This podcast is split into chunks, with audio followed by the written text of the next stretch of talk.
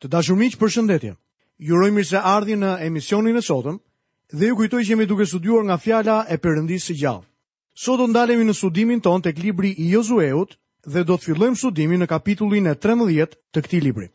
Fillojmë menjëherë pa u vonuar të lexojmë nga vargu i parë i kapitullit të 13 në librin e Jozueut. Por Jozueu ishte plak dhe në moshë të shtyrë, dhe Zoti i tha: Ti je plak dhe i shtyrë në moshë, dhe të mbetet një pjesë shumë e madhe e vendit për të pushtuar. Pa e kuptuar, kemi kaluar vetëm gjysmën e librit dhe shohim që Jozueu është tashmë një burrë plak dhe i shtyrë në moshë. Ai nuk do të jetë i aftë për t'i drejtuar më tej bijtë e Izraelit. Jozueu ishte udhëheqësi që përdori Zoti për të marrë tokën e premtuar, por tani luftërat mbarojnë. Ai është rreth tetëdhjetë vjeç në momentin kur thirret nga Perëndia, ndërsa tani është më shumë se njëqind vjeç. Ai e kishte drejtuar Izraelin për shumë vite. Duket sikur koha ka kaluar më shpejt që kur Izraeli është futur në vendin e premtuar. Udhëtimi i shkretëtirës u dukej shumë kohë më parë. Tani që Izraeli ndodhet në vendin ku kullon qumësht dhe mjaltë dhe ka marrë zotërimet e tij, koha është duke kaluar shumë shpejt. Miqtë mi, jeta nuk do të kalonte aq ngadalë për njerëzit nëse do të jetonin për Perëndinë. O sa shpejt që koha kalon kur ne i shërbejmë Perëndisë. Në pamjen e jashtme, Izraeli dukej sikur po ia kalonte mirë. Ata hynë në tokën e premtuar dhe qëndruan pikërisht në mes të saj. Mundën jugun dhe shkuan të mundnin edhe veriun. Por Zoti e kujton Jozueun që kishte mbetur shumë vend për t'u zotëruar ende. Miqtë e mi, sado punë të jashtëzakonshme që të keni bërë, kjo gjë vlen edhe për ne sot. Kjo ka qenë e vërtetë për çdo shërbëtor të Zotit. Kurrë nuk ka për ta arritur atë që dëshiron. Tek letra e drejtuar Filipianëve, kapitulli 3 dhe vargu i 12, apostulli Pal thotë: Jo se unë tashmë e fitova çmimin ose jam bërë i përsosur, por po vazhdoj të rend për ta zënë, sepse edhe unë u zura nga Jezu Krishti. Perëndia i tha Jozueut se vendi ku do të shkelnin bijtë e Izraelit do të ishte i tyre. Por ata nuk shkelën në të gjithë vendin. As ne nuk do të jemi në gjendje të zotërojmë të gjitha bekimet shpirtërore që Perëndia ka planifikuar për ne. Por ka disa shenjtorë që thonë se i kanë zotëruar të gjitha dhe se nuk ka asgjë tjetër për të mësuar apo bërë. Ata janë të kënaqur me jetën dhe nuk priren përpara, ashtu sikurse apostulli tha, drejt çmimit të thirrjes së lartme të Perëndisë në Krishtin Jezus. Drejtimi i Josueut përfundoi. Ai nuk është më një gjeneral. Detyra e tij e ardhshme është të ndajë vendin dhe veçanërisht të sigurohet që të plotësohen premtimet e Mojsiut për dy fiset dhe një gjysim fisi tjetër. Lexojmë më poshtë nga vargjet 7 deri 8. Ndaje pra këtë vend si trashëgimi midis nëntë fiseve dhe gjysmës së fisit të Manasit. Rubenitët dhe Gaditët, bashkë me gjysmën e fisit tjetër, kanë marrë trashëgiminë e tyre që Mojsiu ua dha atyre, matanë Jordanit në lindje, ashtu siç ua kishte dhënë Mojsiu shërbëtor i Zotit. Detyra e Jozueut nuk përfshinte vetëm nënshtrimin e tokës, por gjithashtu edhe ndarjen e saj tek fiset e Izraelit. Ai ndau jo vetëm pjesën e Kanaanit që ishte marrë tashmë, por edhe pjesët që duheshin marrë. Të dashur miq, këtu kemi përfunduar studimin e kapitullit të trembëdhjetë në librin e Jozueut dhe së bashku do të fillojmë menjëherë studimin e kapitullit të katërmbëdhjetë të këtij libri. Tema që do të shqyrtojmë në këtë kapitull është Hebroni i jepet Kalebit. Nëntë fiset dhe një gjysmë fisi do të kishin një trashëgimi të madhe. Kalebi i privilegjuar fitoi Hebronin. Kalebi që kishte lindur skllav, ishte vëzhgues së bashku me Jozueun dhe solli një raport të favorshëm herën e parë në Kadesh Barnea. Sipas Jozueut, kapitulli 14 dhe vargu 11, shohim që Kalebi zbuloi burimin e jugut. Ai kishte besim për të harruar të kaluarën, besim për t'u përballur me faktet dhe besim për t'u përballur me të ardhmen. Lexojmë nga kapitulli 14 i librit të Josueut vargun e parë dhe të dytë. Këto janë territoret që bijtë e Izraelit morën si trashëgimi në vendin e Kanaanit dhe që prifti Eleazar, Josueu, biri i Nunit dhe kryetarët e familjeve të fiseve të bijve të Izraelit u ndanë atyre si trashëgimi. Trashëgimia e tyre u vendos me short, ashtu siç u kishte urdhëruar Zoti me anë të Moisiut, nëntë fiseve dhe gjysmës së fisit. Ashtu siç mund ta shihni në hartë, gjatë gjithë rrugës nga Dani në Bersheba, vendi iu nda fiseve. Rubeni, Gadi dhe gjysma e fisit të Manasit ndaluan në anën lindore të lumit Jordan. Pastaj duke filluar nga jugu dhe deri në veri, u vendosën fiset e Simeonit, Judës, Benjaminit, Danit, Efraimit, Manasit, Isakarit, Zabulonit, Neftalit, Asherit dhe Danit. Lexojmë nga vargjet 5 deri në vargun e 8. Bijtë e Izraelit vepruan ashtu siç e kishte urdhëruar Zoti Moisiun dhe e ndanë vendin. Atëherë bijtë e Judës u paraqitën përpara Jozueut në Gilgal. Dhe Kalebi, biri i Jenufehut, Kinezeu i tha, Ti e di atë që Zoti i tha Moisiut, njeriut të Perëndisë lidhur me mua dhe me ty në Kadesh Barnea. Unë isha 40 vjeç kur Moisiu shërbëtori i Zotit më dërgoi në Kadesh Barnea për të vëzhguar vendin. Unë i paraqita një raport ashtu siç ma thoshte zemra. Ndërsa vëllezërit e mi, që kishin ardhur me mua, e dekurajuan popullin, unë ndoqa plotësisht Zotin, Perëndinë tim. Shohim që Kalebi ishte një burrë që ndoqi plotësisht Zotin. Kjo është një recetë e mirë nëse doni të keni një jetë të gjatë dhe të mirë. Lexojmë nga vargjet 10 dhe 11. Dhe ja, tani Zoti më ka ruajtur të gjallë, siç e kishte thënë ai vetë. Këto 45 vjet që kur Zoti i tha këto fjalë Moisiut. Ndërsa Izraeli endej nëpër shkretëtirë, dhe ja, sot u bëra tetëdhjetë e pesë vjeç. Por sot jam akoma i fortë si ditën që më nisi Moisiu, po atë fuqi që kisha atëherë e kam edhe tani, qoftë për të luftuar, qoftë për të shkuar dhe për të ardhur. Shohim që Kalebi tani është tetëdhjetë e pesë vjeç dhe mund të thotë se është ende i fortë si në ditët kur Moisiu e dërgoi në Kanaan si vëzhgues. Gjatë udhëtimit në shkretëtirë, i gjithë brezi i parë që doli nga Egjipti vdiq, përveç dy njerëzve, Jozueut dhe Kalebit. Këta burra së bashku me dhjetë vëzhgues të tjerë sollën lajme në lidhje me vendin e Kanaanit. Pyetja ishte, A mund ta zotëronte Izraeli vendin, tokën e premtuar?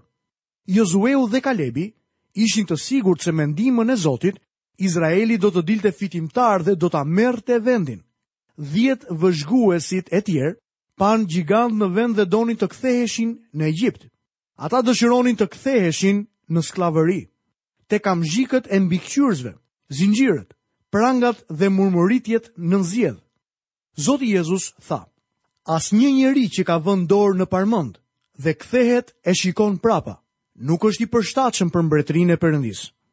Perëndia e thirri Izraelin të shkonte në vendin e Kanaanit dhe Kalebi besoi se kjo gjë mund të bëhet. Gjatë atyre 40 vjetëve, mendoj që shpesh Kalebit i kanë thënë, vëlla Kaleb, sa e tmerrshme është jeta këtu në shkretëtirë, dhe Kalebi mund t'u ishte përgjigjur. Oh, me të vërtetë, por nuk e kisha vënë re. Kujtoja se ishte ngrohtë dhe isha duke menduar për rrushin që pamë në Eshkol. Po mendoja për qytetin e Hebronit. Ati ynë Abrahami e pëlqeu atë vend dhe mua më pëlqen gjithashtu. Ai është vendi ku po shkoj. Kalebi edhe në shkretëtirë mund të mendonte për të ardhmen. Ai kishte një shpresë të madhe. Kjo shpresë e mbajti atë të ri. Ato dyzet vite në shkretëtirë, bënë të vdiste e gjithë turma e brezit të parë, por Kalebit ndryshe nga të gjithë të tjerët, i sollën vetëm shëndet. Ata njerëz u mplakën, ndërsa Kalebi rinohej, gjigantët në tokën e premtuar i trembën të tjerët. Ata i quajtën veten e tyre karkaleca, por Kalebi mendoi për Zotin. Në zemrën e këtij njeriu kishte liri nga frika. Ashtu siç ka thënë edhe Martin Luteri, një njeri me Zotin është shumica. Zoti ishte më i madh se gjigantët. Kalebi më kujton misionarin që kaloi 12 vjet në Burma pa patur asnjë të kthyer në besim. Bordi që e dërgoi nuk e kuptonte situatën apo misionarin e tmerrshëm, kështu që i shkruan atij një letër shumë diplomatike, duke i sugjeruar që do të ishte më mirë të kthehej në shtëpi. E pyetën se cila ishte perspektiva e Burmës për të ardhmen. Përgjigjja e tij ishte: E ardhmja është aq rrezulluese sa edhe premtimet e Zotit. Besimi i këtij njeriu në Zotin ishte arsyeja e qëndrimit në shkretëtirën e Burmës për gjithë ato vite. Edhe pse vuajti shumë dhe iu desh një kohë e gjatë për shpërthimin e ringjalljes, ajo më në fund ndodhi. Koha e këtij misionari u shpenzua më së miri. A po i shijon të gjitha bekimet shpirtërore që Perëndia ka për ty? Ti mund të thuash, O, unë kam shumë probleme në jetën time. E di që të krishterët kanë shumë probleme në kursin e jetës së tyre. Edhe unë ndihem si ata. por më vjen gjithmonë në mend dëshmia e një zezaku që tha se vargu i tij më i preferuar i Biblës ishte: Ndodhi kur njerëzit e pyesnin se çfarë donte të thoshte me këtë, përgjigjej: Kur gjendem në telashe dhe kur problemet grumbullohen, shkoj tek vargu im dhe e di që shqetësimet e mia nuk kanë për të qëndruar, por do të kalojnë. Ka me mijëra gjëra për të cilat ti, miku im, mund të ankohesh. Por, për sa u përket shpresave të tua, çfarë mund të më thuash? Po për sa i përket së ardhmes, Kalebi për 40 vjet në atë shkretëtirë, po shijonte të gjitha bekimet shpirtërore që ishin të tijat. Kalebi i besoi Zotit, prandaj foli me besim dhe tha. Lexojmë vargun e 12. Prandaj ma jep këtë mal, për të cilin foli Zoti atë ditë, sepse ti vetë e dëgjove atë ditë që aty ishin anakimët dhe kishte qytete të mëdha dhe të fortifikuara. Në rast se Zoti do të jetë me mua, unë do t'i dëboj, ashtu si ka thënë Zoti. Me siguri ju kujtohet se tek Zanafilla, Abrahami shkoi në Hebron që do të thotë bashkësi. Ai ishte një vend miqësie. Kalebi kishte miqësi me Zotin dhe tani dëshiron të qëndrojë në Hebron. Lexojmë vargjet 13 dhe 14. Atëherë Jozueu e bekoi dhe i dha si trashëgimi Hebronin Kalebit, djalit të Jefunehut. Për këtë arsye Hebroni ka mbetur pronë e Kalebit, birit të Jefunehut, Kenizeu, deri në ditën e sotme sepse ai ka ndjekur plotësisht perëndinë e Izraelit. Miqtë e mi, një ditë ne do të marrim një shpërblim. Nuk do të shpërblehemi sipas sasisë së madhe të punës së bërë për Zotin, dhe as sipas pozitës apo popullaritetit tonë të arritur në këtë jetë. Kryesorja do të jetë nëse a e ke ndjekur Zotin plotësisht apo jo. Njerëzit e Zotit duhet të mësojnë se gjëja më e rëndësishme në këtë jetë është t'i bindesh Perëndisë. Kalebi si njeri i perëndisë mori Hebronin. Atje kishte gjigantë, por ai tha, ai është vendi që dua, ai është vendi më i mirë. Sa mirë do të ishte sikur unë dhe ti të prireshim drejt thirrjes së lartme të Zotit në Krishtin Jezus. Të dashur miq, këtu kemi përfunduar edhe studimin e kapitullit të 14 të librit të Jozueut. Fillojmë së bashku menjëherë brenda këtij emisioni gjithashtu studimin e kapitullit të 15 në këtë libër. Tema që do të shqyrtojmë në këtë kapitull është lënia në ngarkim e tokës fiseve të Izraelit.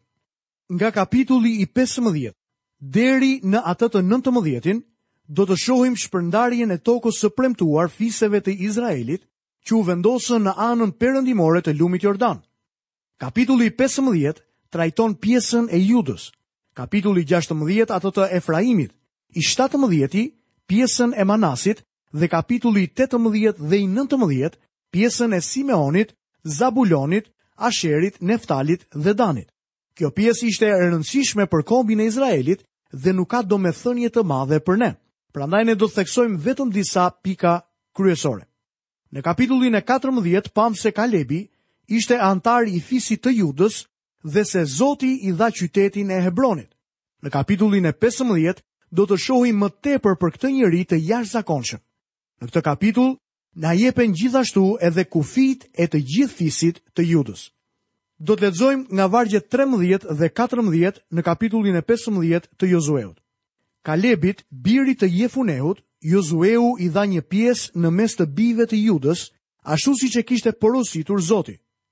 Kirjath Arba, që është Hebroni, Arba ishte ati i Anakut, dhe Kalebi dëboi që andej tre djemtë e Anakut, Sheshain, Ahimanin dhe Talmain, pasardhës të Anakut. Siç e shihni, vendi që dëshironte Kalebi i vjetër ndodhej në tokën e gjigantëve dhe ai ishte gati të shkonte atje njëlloj sikur të ishte një djalë i ri.